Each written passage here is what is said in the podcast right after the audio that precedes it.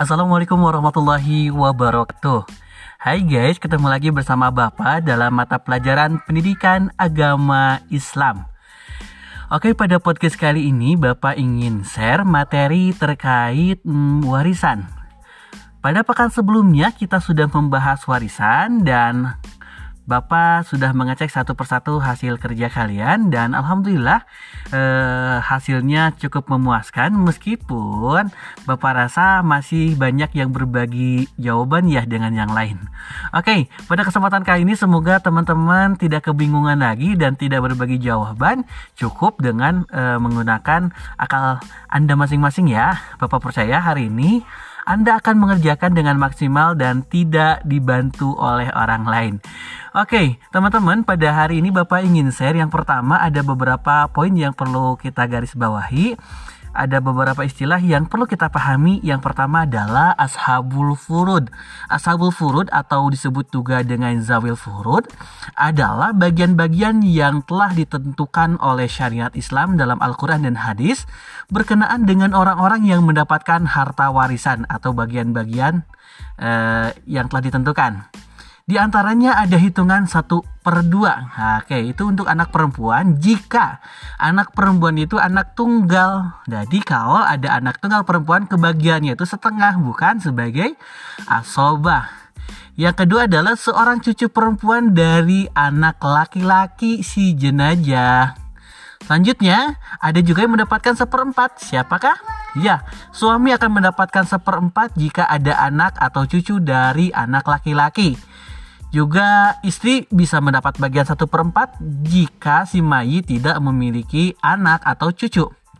Yang ketiga ada bagian seperdelapan itu diperuntukkan untuk istri jika si jenajah tersebut meninggalkan anak atau cucu.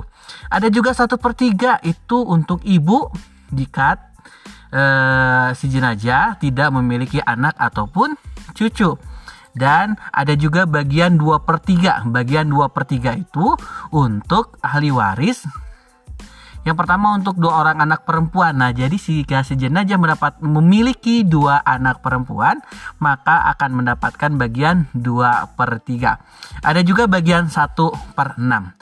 Tapi teman-teman yang harus digarisbawahi adalah ketika seseorang meninggal dunia, maka yang pasti akan mendapatkan bagian yang pertama adalah ayah, ibu, suami atau istri, anak laki-laki, dan anak perempuan. Itu semuanya pasti akan mendapatkan bagian. Namun bagiannya itu bisa berubah-ubah tergantung kasusnya teman-teman. Maka untuk menghitung itu semua kita harus mengenal istilah hijab. Nah, apa itu hijab? Nah, hijab itu ada dua. Nah, hijab itu adalah penutup atau penghalang.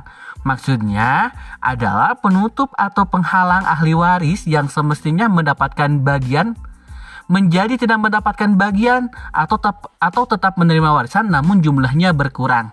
Maka hijab pun terbagi menjadi dua teman-teman. Yang pertama hijab nukson ialah penghalang yang dapat mengurangi bagian yang seharusnya diterima oleh ahli waris. Misalnya, istri biasanya mendap bisa mendapatkan satu per empat bagian, namun karena ada anak, jadi mendapatkan satu per delapan. Suami, kalau sendirian tidak memiliki anak, eh, maka akan mendapatkan setengah, tapi karena memiliki anak, jadi mendapatkan satu per empat. Yang kedua adalah hijab hirman. Apa hijab hirman? Hijab firman adalah penghalang yang menyebabkan ahli waris tidak mendapatkan warisan sama sekali karena ada ahli waris yang lebih dekat pertalian kekerabatannya. Contoh, paman nggak dapat warisan karena e, si jenajah masih memiliki ayah, masih memiliki anak. Nah, e, itu tidak akan mendapatkan bagian. Cucu tidak mendapatkan bagian karena si jenajah masih memiliki anak atau ayah dari si cucu tersebut. Itu disebut dengan hijab. Oke teman-teman, nah ketika kita akan menyelesaikan soal tentang waris, maka dapat kita pastikan terlebih dahulu. Kita lihat, apakah ahli waris tersebut memiliki ibu, ayah, anak laki-laki, anak perempuan, atau istri. Kalau semuanya ada, otomatis nggak akan terbagi dengan yang lain. Pertanyaannya, Pak, Pak, Pak, kalau misalkan seorang laki-laki punya istrinya empat, dan dia punya anak, jadi dapat berapa persen Pak atau dapat berapa bagian? Ya, untuk istri tersebut dapat bagian Ya betul, 1 per 8 dibagi dengan jumlah istri. Mau istrinya 2 atau istrinya 3, dapat bagiannya kalau misalkan punya anak tetap 1 per 8 dibagi dengan jumlah istrinya. Oke teman-teman, sekarang silakan kalian kerjakan soal berikut ini. Oke, catat soalnya ya dan kerjakan. Soal nomor pertama. Hitung harta warisan yang diterima masing-masing ahli waris jika suami sebagai uh, orang yang meninggal dunia dengan meninggalkan istri, ibu, satu anak perempuan dan satu anak laki-laki. Sedangkan orang tersebut meninggalkan harta sebesar satu miliar rupiah. Tentukan ya. Soal nomor 2. Deng deng deng deng. Seorang laki-laki meninggal dunia. Ahli waris yang ditinggalkan empat orang istri, satu anak perempuan, dan tiga keponakan laki-laki dari saudara laki-laki si mayit. Harta si mayit setelah dipotong pengurusan jenazah dan lainnya sebesar 40 ribu meter persegi sawah. Berapa bagian masing-masing dan siapa saja yang mendapatkan uh, warisan juga siapa saja yang terhalang. Soal nomor 3. Seorang pewaris meninggalkan harta warisan berupa sebidang tanah seluas 4000 meter persegi.